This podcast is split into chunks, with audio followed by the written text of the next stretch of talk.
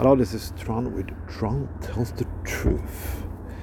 We're now going into the holidays, and every year I'm uh, getting more fucked up by the holidays from every day who goes. This year, Christmas started before Halloween. Yes, it's September. Yeah, so Christmas decoration in the fucking shops. Before I I when I was a kid, I was looking forward to Christmas. I'm looking forward to Christmas because the magic come, and I knew the magic will come in end of November, beginnings of December. So I had to look, so to look forward to it, 24 days.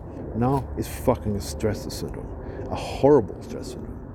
I can't fucking wait to January so I don't have to see any more fucking Christmas decorations. I do not get in the fucking mood. I do not buy any Christmas things before December. Christmas beer, December. Christmas soda December. And if people put on fucking Christmas movies before that, they're gonna fucking thrown out of the house. I use Spotify, and every year, I, week, I get new singles who arrive. Yes, release radar is called.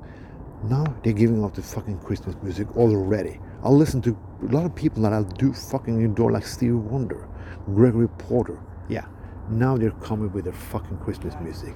It's fucking bullshit. It's horrible to listen to, and don't want it. I'm tired of Christmas. I have Halloween spirit, and I had Halloween spirit all October. October is fucking Halloween.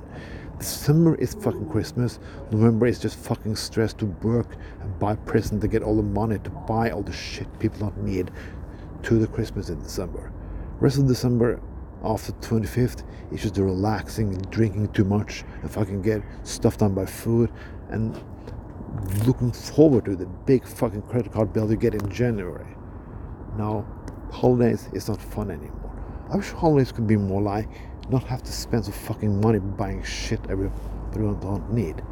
One year, I didn't give any presents to my sisters and brothers and on. I gave them to welfare and I get a card like I'm giving money to the Red Cross, to the People Aid, or everything, Save the Children, so on, in your name. They, the kids were happy, the parents was not happy. They wanted stuff, a lot of fucking stuff that they don't need, who they fucking change into other shit stuff in the first place.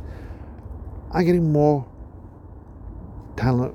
Look at how much shit I got when I have to move when I have to move from one apartment to the other, I have a lot of fucking stuff. So much fucking stuff. Where should I fucking put all the fucking stuff?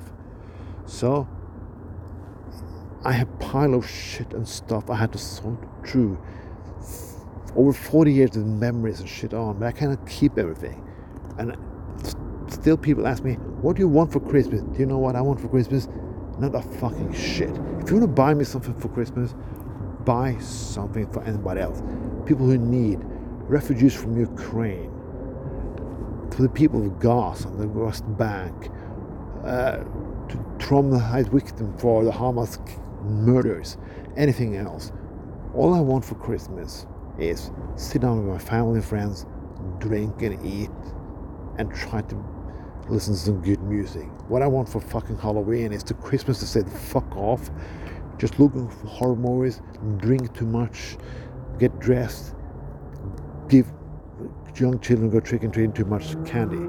So keep the fucking holidays apart, celebrate in a new way, and if people try, fuck it. This was the end. This was Trying to Tell the Truth. Have a fucking nice day.